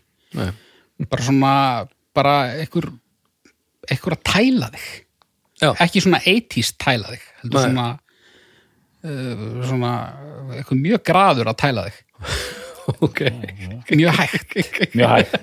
Hérna, Siren's Way. Ok, en svo komum við þarna bara aftur út á danskólið bara, það er bara glow sticks og, og geðveiki sko. ok gott lag hérna. A best big band that I know my name Hallucinate ble ble ble ble ble. Þetta var singull. Na na na na na na na na wow. Hvað skæður þetta? Jú, sko þegar þú syngur það, já, já. Og bara, bara aftur, lag sem að sko í samhengi við öll hinlaugin já, er ekkert sérstakt, ok, hefði unni Júruvísson hvenær sem er já, og er dásamlagt. ok. En það bara er ekki, þú veist, það er bara, já. bara lög eru bara misgóð, sko. Uh, strax á eftir, Love Again, þar erum við með uh, svolítið mikið notað sampl. já, uh, þú kannaðist mögulega við það þú hlustaður á það og það kom mér mjög svona ég hafði mjög gaman að því að það var eitt sem að uh, í síðasta þætti sem við settum í loftið þegar þetta tekið upp sem One Hit Wonder þátturinn þá var eitt sem að hendi inn í umræðuna uh, einsmellungi sem notast við þetta sama sampl hljómsveit sem að minnir að heiti White Town. Mannst þetta þessu kannast bara við nafni Ah. og þetta er eitthvað svona þetta er eitthvað sampl síðan 1920 og eitthvað. Já, já. bara eitthvað svona bara svona svona djass sko. Ó, og það er svona keiri þetta lag áfram gott lag og bara en aftur uh, eitt af þessum lögum þú veist, þegar ég hlustaði á þetta án vókals þá bara svona ok, þetta er nú ekki merkilegt en bara hún einhvern veginn liftir í nægilega upp til að ég held, ég, ég held meira sem þetta hafi verið singull. Uh, hvað var Love Again? já, Love Again var, skal ég þér segja já, síðasti singullin það sjötti singull. Svo straka, við erum að tala um það að ef að ég hefði fengið að velja singlana já, af þessari plötu já, þá værum við að tala um sko enn meira impressive tölur sko. Heldur það? Já, ég held að ok, ég, ég er handviss um það. Já, ég, ég heyrst það. Þarna hefur bara einhver ekki verið að vinna vinnuna sína. Nei, og það þarf bara að rannsaka þetta mál. Já, af því að þessi plata fóri ekki neitt. Segi það kannski ekki alveg nei, en hérna þetta er svona betur má ef duga skal já, dæmi, já, já, já, já. þú veist ok, ok. eitthvað Post Malone eitthvað þarna fyrir ofan þig. Á ekki að vera þannig. Nei, nei, nei, nei, fáralegt En já, gott lag, mjög gott lag. Uh, Lánum minn nýju, Break My Heart. Það var singull. Break My Heart, eh, það var þá singull nummer hvað? Uh, þrjú, þriði singull, já, eftir Physical. Þar erum við komin með hérna, lifandi bumbuslott. Holy moly. Frá ekki ómerkari manni en Chap Smith. Já, í, úr Red Hot Chili Peppers. Jaha ekki, ekki Titti Fyll og, og hérna og Rækka Gísla? Nei, ekki þau. Annars konar bumbuslátur mm. en sko það, það, það pff, ég get ekki séð að hafi þurft live-trommur þetta, það hljóma náttúrulega bara alls ekki þessu live-trommur Nei. auðvitað klít það að koma með eitthvað tvíling ég menn annars væri fólk ekki að þessu. Nú er ég ekki pop-producer þannig ég veit ekki alveg hvernig það er hugsa en hérna, já bara frábært lag. Ok, þetta lag er eh, það sem að það sem að In Excess mennindir fá kredit. Þannig að ding, ding, ding, út af þessum húki sko. bara út af þessu? Já, bara þessu. það er samt en þetta er samt ekki alveg eins. Eh, Þetta, þetta Nei. hljómaði eiginlega samt alveg eins þegar hann gerði þetta sko. já, en sko í INXS-læginu er þetta húkurinn en í þessu lægi er þetta bara skraut ofan á. Þú veist. Já með, með, með, er er þetta ekki meira svona hjá henni? Er þetta ekki meira svona di, di, di, di, li, li, li, li, ekki di, di, di, di, li, li, li, li, li, Nei, þetta Er hún að fara upp stegan og meðan þeir voru að fara niður stegan? nei, hún var að fara niður. Þetta átti að vera þannig sko. Nú, þetta átti að vera lækkun ja, og þeir, þeir eru herri sko Nei, út af því að sko Kannski er þetta svona stíði yfir gyrðingu eh, Fyrsta og þriðja bar er eiginlega alveg styrririririririri og svo dyrri bum bum bum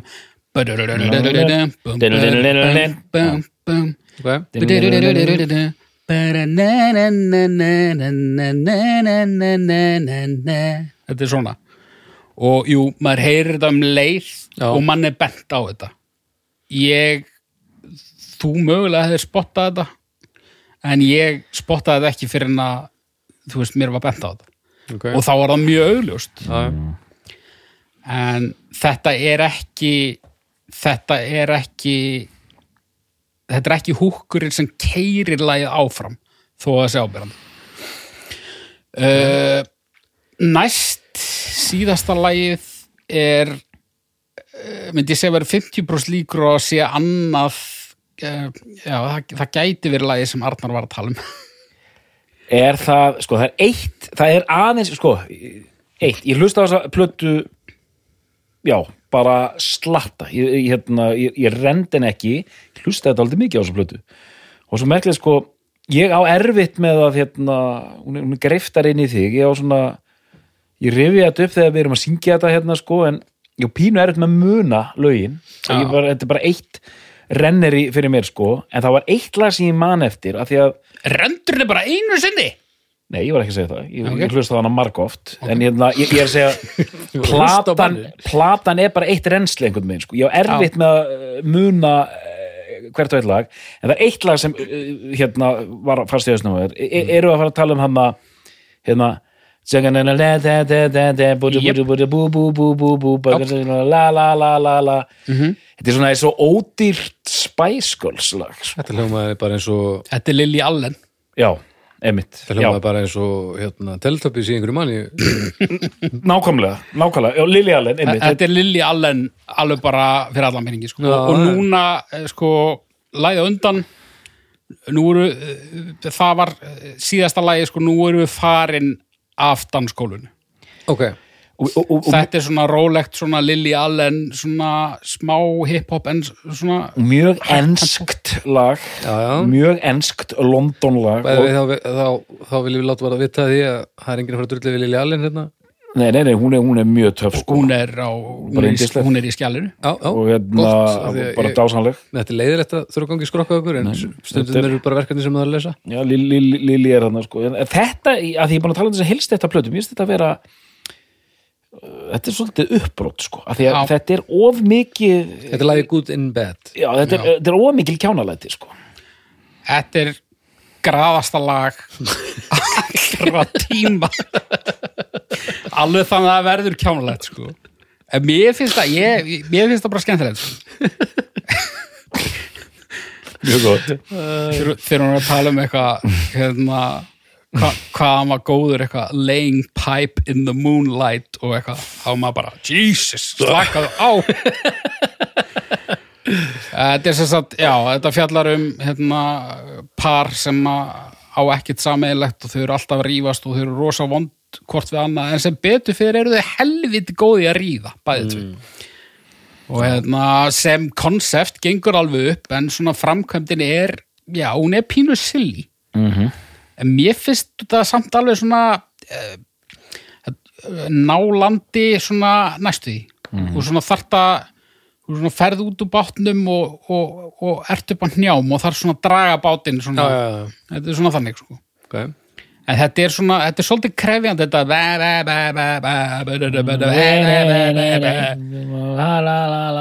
þetta ljómar ekki vel allavega hérna sko nei, þetta er, ef þú segir högur það er svona finnst þér að sleppa fyrir hótt Já, mér finnst það en, en það, það er að því að þú ert aðdáðandi já, kannski, kannski einmitt bara út af því að platan á inni fyrir hundi sko, Jú, jú. og, og byrju en það kemur ekki hundur en það kemur svona Hálfundur. Úlfur. Ok, kannski er þetta hálfundur Er, þetta ekki. hálfundur? Er þetta úlfhundurinn að Það- hérna chip? Þetta er allavega, það er augljóst hvaða lag á minnstan sens í Logan. Uh, já, Og það er þetta. já, ég myndi segja það Ok. en þetta er samt sko þetta er samt svona uh, þetta grípur maður meira heldur en til dæmis uh, segjum bara lag 7 og 8 sem er Já, bara en, svona en þá er spurning, er þetta gott grip? Eða er þetta svona, svona sem fyrir á heilan á manni og maður byrjar að skalla ískopa? ég veit Pínu. það ekki ég veit það ekki ég átta mikið alveg á því sko En sko, þetta er ekki lélegt en svona þetta er þetta er bara, þetta er fyrir töðunar á mér en, en, en ég, ég fíla þess að þú ert að segja ykkur já, þetta er svona bara, þetta fylgir bara, þetta er Lily Allen skólinn sko, það er eitthvað bara heimlist þetta þetta sko Er þetta lag uh, að líða fyrir að vera rammað inn af stórkostlum lögum? Er þetta meira þreytandi fyrir vikið? þetta er kannski þetta, kemur bara, þetta er svona óvænt já, þetta, þetta er bara svona Ok. kannski passar minnst til í hljóðheiminn sko Ok. en þetta lag hefur líka það, það góða við þetta lag er sko fuck it element þetta er algjört fuck it Já, element meinar, já, bara, já, já, þetta er bara, já, já, höfum þetta bara með gerum þetta bara. nice. me og fuck it já, Já. Þá komum við á lokalagi plöðunar. já og þar uh, þar er sem sagt, það er engin ballað á þessar blödu, ekki negin Ok. en þarna er þetta svona þarna kemst þú næst í sko Já, það er, það er, lokalag og svona. það er en, enga trommur til dæmis Það er 2.46, það er nú ekki mikil ballaða. bara svona söngur og eitthvað kór og eitthvað strengir og svona pínu svona jæja, nú eru við búin að vera hérna á danseballi en, en, en nú ætlum við aðeins hérna fjalla um uh, hluti sem skipta máli Ó, þannig, já. ætlum að vera smá svona með smá svona social commentary Hmm, og það lagðist misvel í fólk sko en Ok. mér finnst þetta alveg gangu upp sko. ok. hvað er hún að koma þá?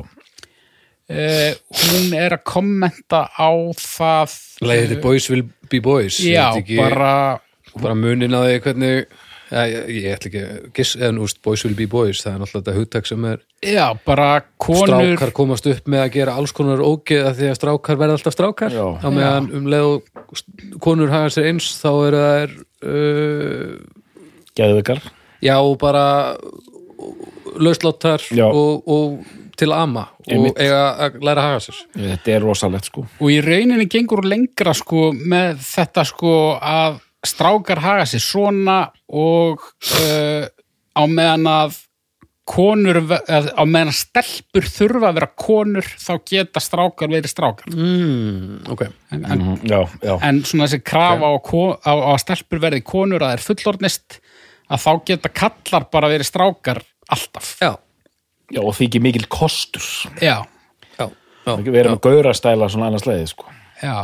Og þetta er svona mér finnst að virka að mestu mér, finnst, uh, ég á pínu alltaf erfitt með svona rosalega literal texta. Mm. en þá kemur annað, ég hef samið okkur marga þannig texta, þannig að ég get ekki alveg beint verið að- að að pota í það sko en þú veist, hún gengur þetta langt í þessu hún ávarpar hlustandan með þess og það er svona, jú, mér finnst það virka en, já, en hérna en þetta er svona einmitt alveg úr takt við það sem undan er gengið já, en það þarf ekki eitthvað endilega að vera slæmt sko. Nei. og, og lægið bara sem slíkt er bara afbragð svo koma bara einhver deluxe versions með einhverjum aukalögum sem eru alls konar og, og þar kom einhverjir hundar sko. Já, já. en við ætlum ekki að tala um það nei. það er til að þetta tværa þrjár útgáður á hann á spottanum sko já, þú ert uh, þú ert ákvæðlega ánæði með þessu plötuhugur já og ég er ákala ánægð með að taka svona plötu með að hann þátt já, ég, ég veitna, að langt síðan síðast sko. mm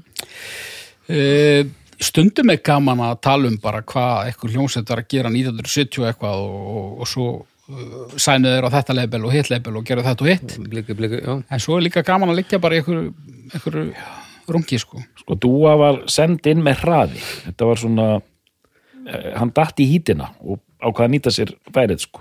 Já. Var komin einhver pyrringur í í hópinn eða?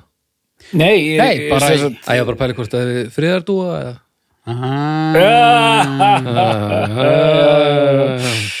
Mjög, mjög gott já, já, þetta er hérna ok, já, emmitt, það var bara þannig.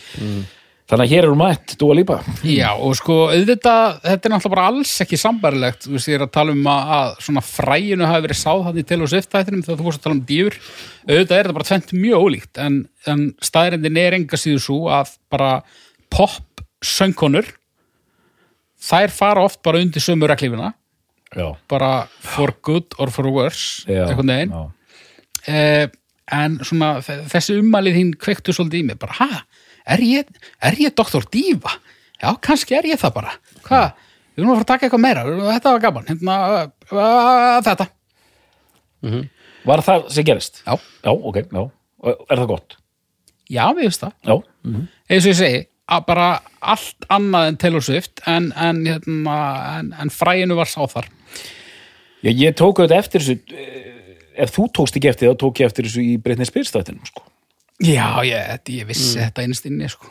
ég veikur fyrir þessu og hérna en sko, hvað þú segir sko að, að konur fá auðvitað aldrei frið og hérna þessi, þessu ert að segja, þeim er slengt undir sama hattin sko, þegar sko Dúa Lípa og Taylor Swift, þetta er ekki sambarilegt ekki fyrir en Adele eða Lana eða neitt þannig sko. En ætli, þú ætlar að tala um af hverju er að vera að sprengja af hverju er að vera að rústa þessu? For good or for worse það er ekkert rétt, það er for better. Hva, hva, hva, ég var að geta skóa minn hérna. Já, já ég, ég var átt skóa minn það mikið að ég heyrði ekkert hvað að segja, hvað sér Britney?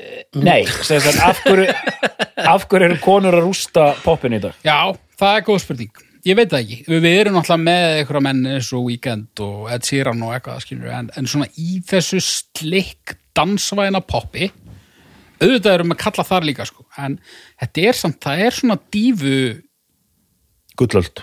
Það er dífu gullöld sko. Við erum með Dúu, við erum með Ariana Grande, Olivia Rodrigo við erum með hérna við erum náttúrulega með Miley Katy Perry. Já, já. og þetta er veginn, þú veist kallarnir eru meira svona á stángli einhvern veginn. Og síðan eru komnar svona eins og Alanis er að njóta núna hún er að hlaða í einhverja risatúra sko. Það er mikil Já. svona upp, upp uh, það er að vakna einhvern veginn upp það kemur söngleikur á næsta ári. Ok, hann er svona það líka sem er svona að því að konur hafa þetta líka þurft að hérna sæta þessu aldursfordómum og öllu, öllu þessu sko Mhm. þannig að ég, ég, ég fagnaði því sko og ég vil líka segja bara að ég er í svona ég er í krums hérna krumsveluna hérna dómnefndinni þar sem hefur verið að velja svona ungt og efnilegt tónlistafólk og framsækið og tilhörnakent oft Mhm. þar eru stúlkur venjulega algjörlega að slá í gegn. Mhm. og þær raða sér oftast ofalega á lista sko, þetta er búið að vera staðan er búin að vera þannig í, í bara mörg ár. Já. Sem já, er bara stórmerkilegt sko. erum við að sofna verðinum bara? Strákanir, já, Nei, þetta er þetta bakreikningurinn ég held að ég, ég, ég, held að vonandi er bara margra ára vinna allra og sérstaklega þeirra að skila sér í að nú er að koma kynslu sem að Já. er ekki jafn menguð af því sem er aðeins í þessu samfélagi. Já, það er örgulega að einhverju leiti rétt. Það væri geggjað ef rétt reynist þó að það sé nóg eftir að laga, ég segi það ekki en, en það er geggjað þegar að, að sjá svona breytingar. En svo veist mér líka gaman að sjá þetta sko, þú veist, þessar dýfur og það er ofbúðslega erfitt að segja þetta orð uh, án þess að hljómi einhvern veginn, þú veist, þetta hefur náttúrulega líka neikvæða merkingu en, en höldum okkur bara við þá jákvæðu. Að auðvitað er einhver samkeppni en það er samt, þær eru að mæta í lög hjá hver annari og Já, já. semja sitt og hvað og svona, þetta virðist vera svona svolítið samstaða líka. Mm. það er pínu gaman. Það er næst já, þetta er maður er náttúrulega svo sem á þessari á þessum stærðar skala þá náttúrulega er þetta meiri keppni, lítur að vera. Já, já. en en vonandi þá er nógu stór markaður þannig að öllum geti gengið vel, það verður alltaf best. En ég held að sé auðvelt að, að gleyma sér í þessu en ég veit ekkert hvernig maður bregst við því að verða svona ógeðslega frægur. Nei. ég held að segja að, já, ég held að fólk höndlega bara mjög mismunandi sko. Já, fara aðeins í manneskjuna, Já. stóra samhengið Já. og, og, algjörlega og dansa svo inn í nóttina. Ó já, wow. Uh, hvað hérna, ég man ekkit hvað það að segja. sko manneskjan, stóra samengið, sko manneskjan, ef við ekki að tala um hana sem, hún er greinlega eitursvöl Já, já, sem popstjörnu, eitursvöl, já, algjörlega eitursvöl, tísku ekon tísku ikon, einmitt, og er það eitthvað sem að gerst strax, er það eitthvað sem hefur unnið á með tímanum eða? og hún byrjaði ferilin sem tísku fyrirsæta, sko, hún byrja sem fyrirsetta? Já, byrjaði sem fyrirsæta, já. það var að, já, það var eitthvað voða stuttur tími en, en hérna, og starfaði hún sem fyrirsetta út af uh, áhuga á tísku og já, hún er mikil tísku Já. svona kona, sko. næs og, og einmitt hún er bara geggja cool og þannig að hún dúkkar upp á öllum þessum hérna tísku sýningum. Já, við tökum bara eins og þú veist Florence hérna, í Florence enda með sín sko, sem er mjög, mjög svona einkennandi stíl og þá er fólk alltaf dúkandi upp í Ítalíu, Milano og einhverjum svona tísku sýningum sko. Og síðan Ylvötnin og, og, og, og, og það allt sko, en síðan rendi ég líka yfir svona philanthropy hérna sem sagt hún og pappennar eru að styðja við hérna Kosovo Albani og hérna og hún er, hún er eiginlega bara leftving sko í, í svona pólitískum yfirlýsingum sko. ok. Stutti verkalýsflokkin uh, hefur svona hérna og með þetta síðasta laga á þessari plötu þá var hún óhrætt við að stuða. Óhrættu að stöða, látið sér heyra með Ísrael uh, stutti hérna Bernie Sanders og alls, alls konar svona sko. og, og þú veist, láta sem málum verða. Já og bara Hún er mjög hötuð í Ísrael. já, já, eð, það er bara nú má hata mig, nú er kannski verið að hlusta og dýrka þetta upp, þetta er alveg ótrúlegt sko mm. vinsalasta lagi í Ísrael akkurat núna, þar er, er hérna þar er henni svona eiginlega hótað lífláti sko. það er hann við erum alveg þar sko. já, já. og hérna já, en henni er svolítið drull sko. já, djöfull er mikilvægt að henni sé drull já, af því það er svo miklu öðvöldra að gera þetta ekki. Mm. neði mitt uh, en svo er líka það sem ég finnst svo gaman sko, þegar maður hlustar á þetta og þegar ég vissi ekkit um þetta, þá var þetta bara eitthvað svona bara eitthvað svona cool, svolítið svona mysterious pía. Mhm. alveg bara uh, út úr brókar sóttu á því í textum. Mm. og maður bara, já, þetta er, þetta er stór hættuleg kona. Já, og svo uh, svo sér maður hana og hún er bara hún, hún tekur sig ekki alvarlega já, það er, er ekkert já. það er, er ekkert þannig það er Ok. engir stælar hún er bara mætt og bara hérna já, á ég að halda eitthvað eitthvað vandræðilegan tíu mínúna monológ fyrir Jimmy Kimmel út af þegar COVID. Já, já, ég skal gera það. Og hún gerir það. Já, já. og hún er bara að mæta í alls konar rugl og bara hún er bara svona hún er bara svona lovable frænka eiginlega. Hún er ekki veist, hún er ekki það sem að maður gerir ráð fyrir þegar maður hlustar á þessa lög og þessa texta. Hún er geðugkislega cool og geðugkislega cool já, eiginlega næs Vá, ok, töff og hérna svo er eitt element í viðbót sem ég dyrka við hana ok, og það það er útbúin að segja hún reykir og það, það er það að hún hefur verið gaggrind fyrir eitt sko. Ok. okay. hún, hún er allir pakkin sko, eins og við vorum að tala um. já, tíska, tónlist, geggjurödd, kúl Já. útlitið með sér, reykir allir pakkin já, hún er og þykir frekar lélegur dansari. Sem er svolítið skemmtilegt. Já. Það er það er ógeðslega mikið eitthvað YouTube-myndum bara að dúa lípa að drulla á sig á tónleikum. Eitthvað eitthvað um dansi. Því hún er bara Tæklus Já, hún, neða, hún, Nei, hún er bara svona auðvitað. hún er bara með svona hún er bara svona klunni þegar kemur að dansi.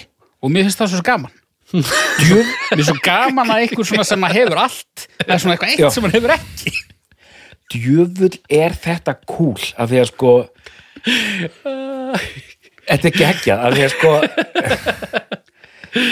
að, að, að, að því að hjá sko smá hérna, af því að hjá konum og hjá dýfum þá er eimir af þessu, sérstaklega til dæmis hjá Beyoncé, það er svona, svona rigged control Já, hún, hún er alltaf galin. já, bara alveg og hérna, þetta er pínu eitrað af því að þetta er svona, mér má ekki mistakast þetta þarf að vera fullkomið uh, þetta þarf alltaf að vera 100% einhvern megin sem fylgir, sem svona aðeins hangir yfir hérna, það var bara kvenlu upplifun Já, nei, nei, hún er samt bara að gera þetta óðafinnalega. Það vissulega getur sett pressu á aðra, en það er ekkert hennar mál, sko. Þetta tala um, Beyoncé. já, Bjósi, já, já. En jú, svona, ég veit að, að, að þetta hafi tekið á henni gegnum tíðina svolítið. Hún vinnur hansi vinnuferðið er oft stránt en niðurstaðan er náttúrulega bara sturlun. Já, já, fullkomlega. En að það sé eitthvað eitra það er bara af því að að það getur þetta ekki Já, ég, ég er svona aðeins bara að spinna þetta almennt um þessar kröfur á konur almennt sko. ég er bara að taka dúskin og tróðunum í Nei, ég, ég held ég skilji nákvæmlega hvað það tala um. Út af því það er eitthvað, ég meina það er engin krafa á að Ed Sheeran kunna dansa, ekki nein. Það er öllum nei. drull. Það er engin krafa á Selin Díón að geta dansað. Nei, en hún er voða lítið í því sko. já, ell líka. Já, en hans er samt ekkit Timberlake, það er gerð krafa á að hann getur dansað. Hann getur dansað vissulega. Það er gerð krafa á hann út af því hann getur dansað. Hefði verið gerð krafa á það ef hann hefði ekki verið í þessu bóibandi og hefði bara komið sem eitthvað popartisti mögulega, Em, mögulega ekki. Veist, Robin nei. Thicke, getur hann dansað? Nei, eins og ég segi, mér finnst hressandi að heyra þetta að Dua Lipa kunni valla að dansa sko. það svona en hefur farið fram sko Já. en hún líka bara tala um þetta bara, já, ég, Já. ég er aðeins búin að æfa mig ég vonandi er ég segi að það er styrkur sko. en er henni sama um það? já, Já, ég meina, þú veist, ég sá eitthvað myndband þar sem hún er alltaf svona það er alltaf stutt í hrossafluguna, sko Ha. hún er náttúrulega svolítið stór og löng og eitthvað neginn og svona klaufaleg stundum það hafði ekki komið fram þetta kom svolítið flatt upp á mig já, já. En, en þú veist, nei, þetta er ekkit afleitt sko. þetta er aðalega, þú veist, maður sér bara svona eldri klippur og bara, já, þarna var hún enn aðeins. Og, og það var, var eitthvað svona vídeo sem fór eitthvað pínu væra það sem allir voru að gera grína henni, það sem hún var að taka eitthvað move. Og þetta var eiginlega bara svona þetta var eiginlega eitthvað svona internet brandari og henni var svolítið mikið strýtt út í að það var sagt að þetta move væri svona eins og hún væri svona blíjantur að ytta sjálfan sig já, það er mjög erfitt að lýsa þessu múfi en það meikar samt sens þegar, ok þegar maður sér það sko. en svo, hún er alltaf dettand á sviðinu og eitthvað og...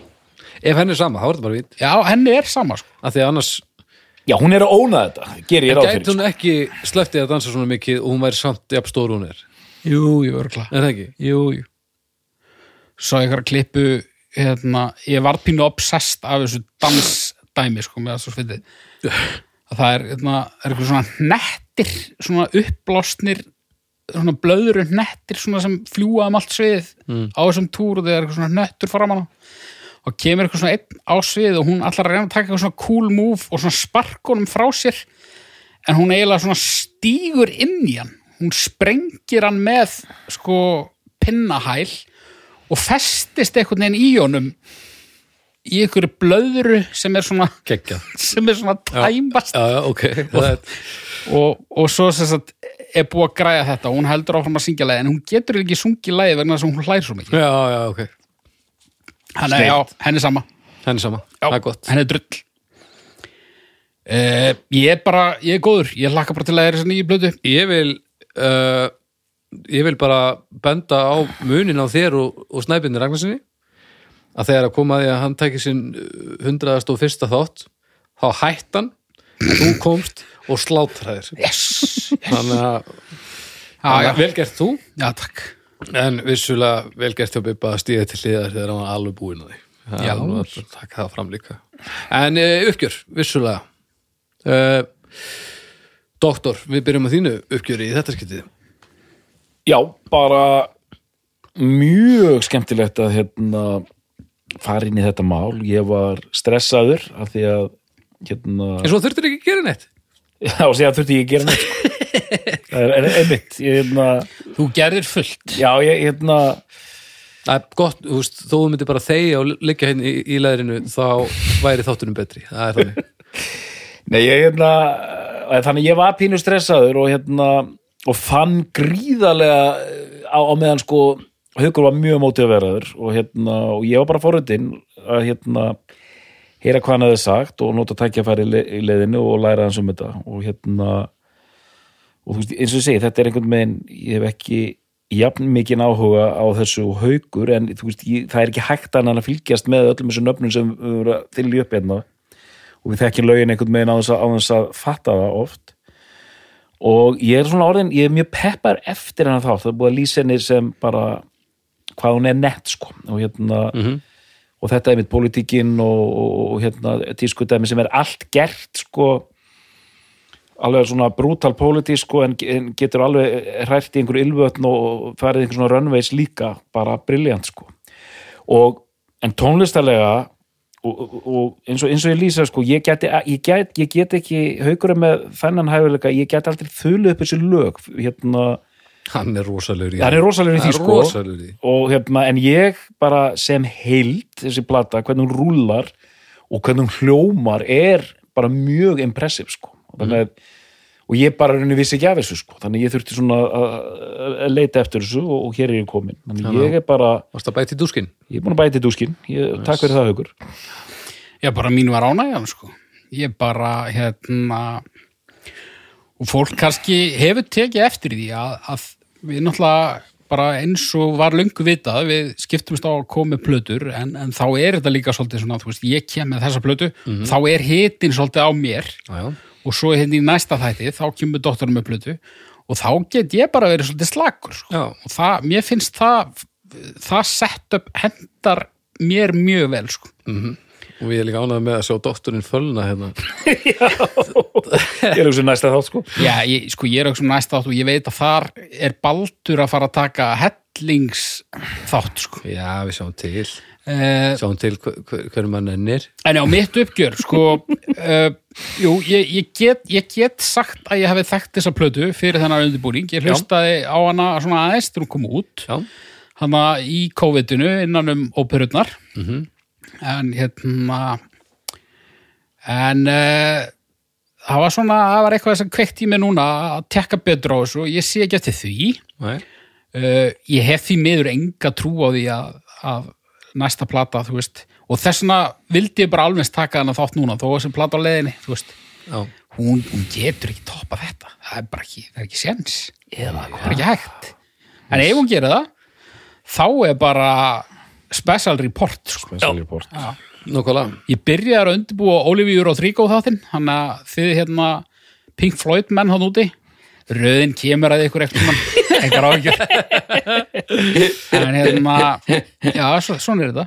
Uh, bara skemmtilegur listamaður og, og, og ég fór uh, ég skemmti mig líka ofbúðsla við það að hella mér enn frekar út í eitt af mínum helstu áhugamálum sem eru svona gangverk popsins.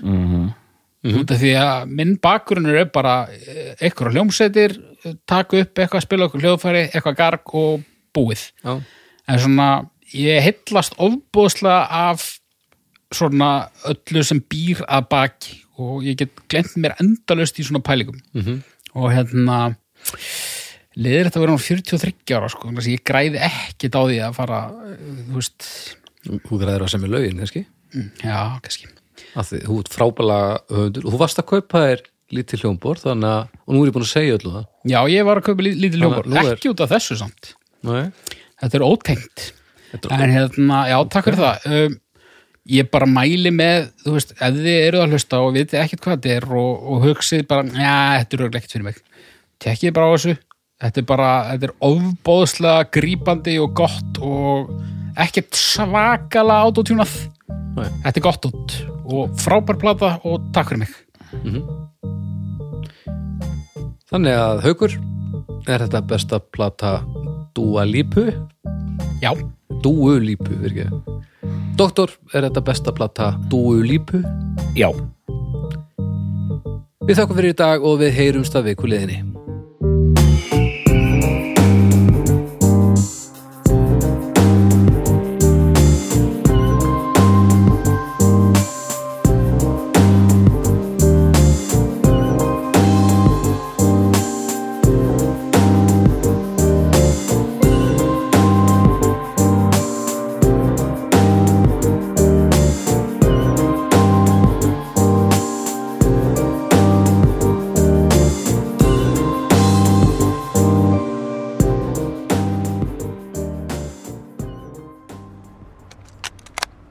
Sjóvá tryggir rattirnar í höfðun á þér.